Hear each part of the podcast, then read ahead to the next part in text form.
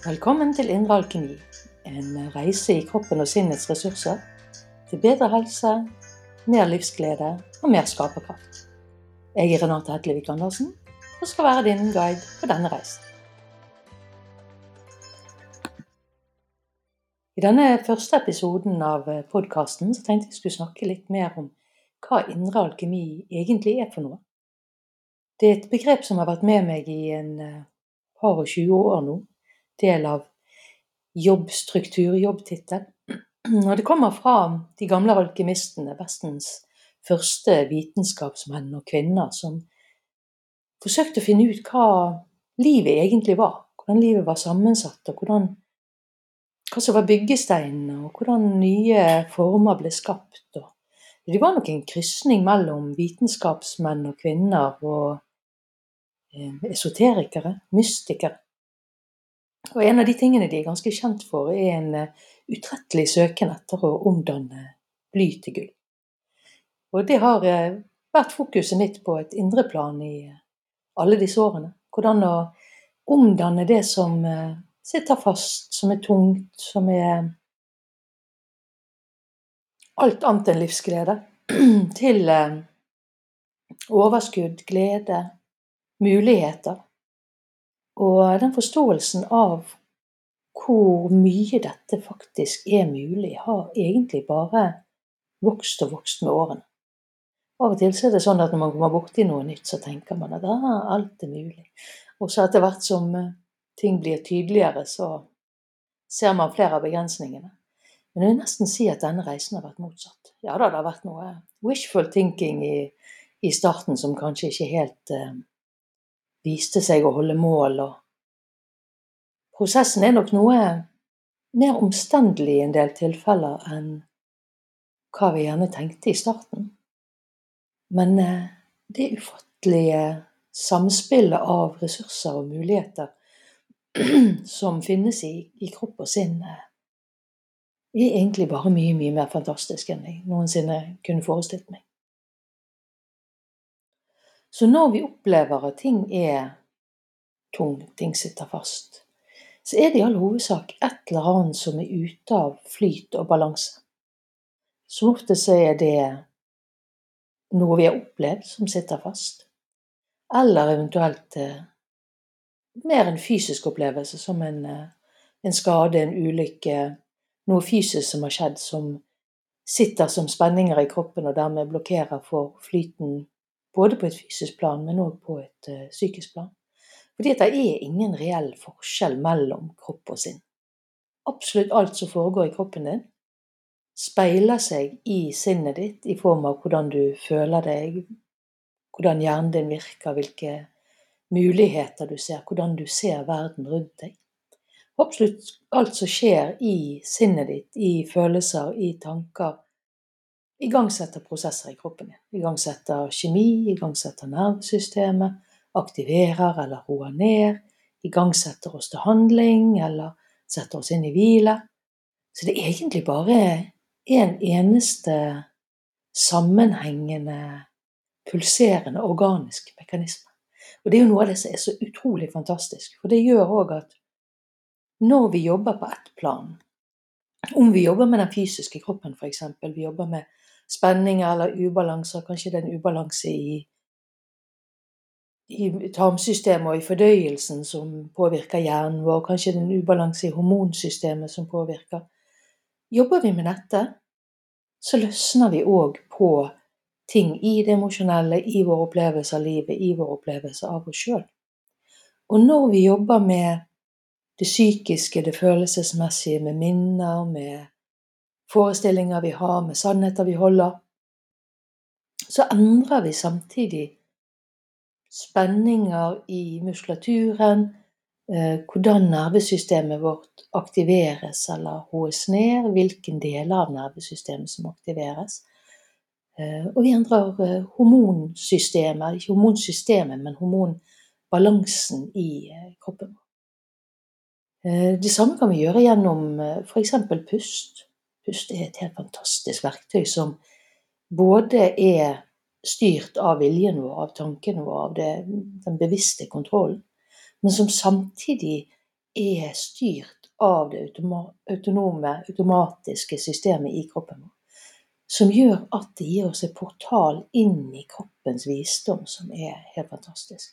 Så gjennom å bruke pusten vår, så kan vi komme dypere innover i hva som egentlig foregår i kroppen vår. Vi kan støtte eh, systemet i å slappe mer av, eller vi kan aktivisere systemet til mer handling hvis det er utfordringen vår.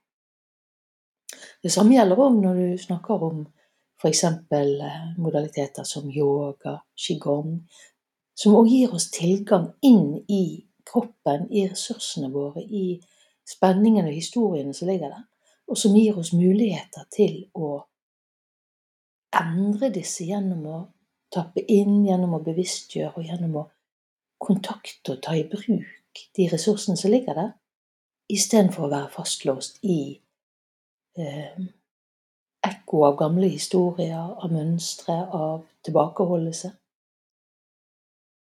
For det er jo ikke til å stikke under en stol at de aller fleste, jeg tror kanskje vi til og med kan si alle, har opplevd på ulike måter å ikke bli møtt.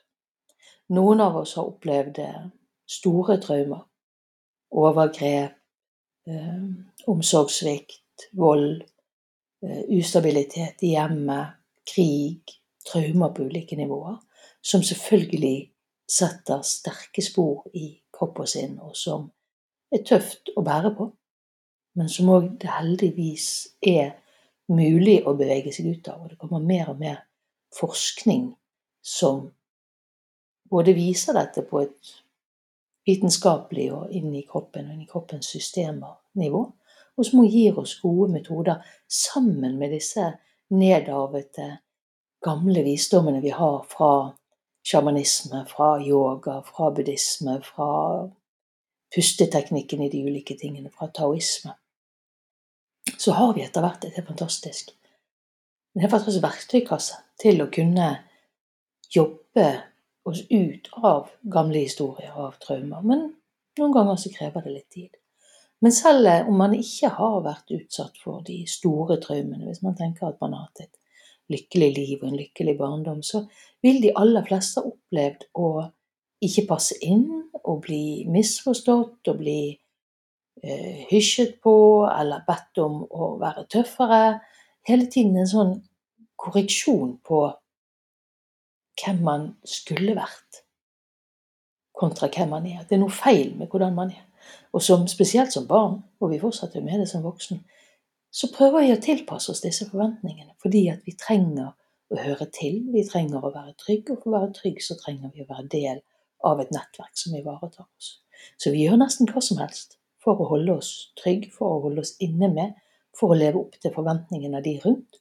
Fordi at da får vi kjærlighet, omsorg, trygghet, mat. og dekket de behovene vi har. Og det kan være en veldig eh, klok måte å agere på, hvis vi kan si det sånn, i, i barndommen. Når vi vokser opp. For først og fremst så trenger vi jo å overleve. Men eh, etter hvert som vi da blir større og vi skal forholde oss til en mer kompleks verden med mange meninger, mennesker som mener det motsatte. Noen mener du skal være mer stille, noen mener du skal være mer på. Noen eh, syns du skal være mer fargerik, noen syns du skal tone deg mer ned. Noen eh, syns du skal ta deg mer betalt, noen syns du skal ta deg mindre betalt, så er det helt umulig å bruke den bruksanvisningen av å tekkes alle rundt deg for å holde deg trygg.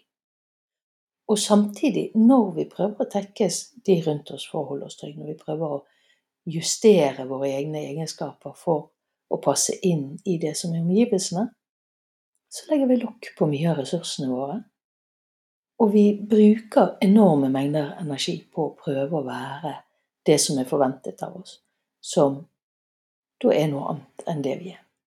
Og i det så blir vi bare utslitt og full i spenninger og gjerne kjemiske og hormonelle ubalanser i kroppen. Og i tillegg så finner vi ikke veien til det livet som faktisk ligger der for oss. For absolutt alle mennesker har sin egen balanse med livet. Sin egen, eh, sine egne gaver å gi, sine egne egenskaper å bidra med. Og sine egne mennesker å connecte med, sin egen fysiske og vi kaller det emosjonelle og psykiske plass i, i verden. Og hvis vi driver og legger lokk på hvem vi er, og vi prøver å mm, fremstille en sånn eh, polert og tilpasset utgave, så når vi aldri helt inn i det som faktisk er oss, det som er våre gaver, det som er vår unike sammensetning, som gjør at vi kan finne de menneskene som vi virkelig liker, og de som virkelig liker oss, istedenfor at vi trenger å gå og tilpasse oss hele tiden. Og der vi virkelig kan utvikle ressursene som ligger i oss, til glede for oss sjøl og til glede for verden. For det er sånn at når vi bruker det som er i oss, og får lov å utfolde vår natur, så opplever vi lykke. Ikke nødvendigvis lykke i en sånn uh, opphypet, uh, euforisk tilstand hele tiden, men en dyp opplevelse av mening, av det å være del av, det å høre til, det å ha en plass. Og dette trenger ikke være sånn at det er veldig stor og dyp selvrealisering og bli et eller annet stort og skinnende i verden. Det kan like gjerne dreie seg om å ta sin plass i, i nærmiljøet, i familien, uttrykke seg sjøl gjennom sine hobbyer. Det spiller ikke noen rolle. Sjel eller essensen eller hva vi vil kalle det for noe, i oss er ikke spesielt uh, opptatt av uh, hvor stor du blir eller hvor mye penger du tjener. Det er opptatt av å realisere sitt eget potensial. Og det er en veldig stor del av det som foregår i oss hele tiden. Vi er natur som søker å realisere egen, sitt eget potensial.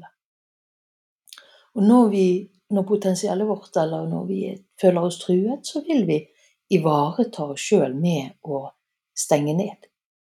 Som vi allerede har snakket litt om, en, kan være en smart ting der og da. Men den dypere naturen i oss vil alltid søke å uttrykke seg. Vi vil alltid søke å komme tilbake til en balanse og fortsette å uttrykke sin indre natur, så å si. Og Det gjør òg at disse tingene, disse ubalansene som ligger i oss, de, de presser på for å komme til overflaten. Kan slå seg ut i ulike symptomer, eller at vi til stadighet kommer opp i de samme situasjonene.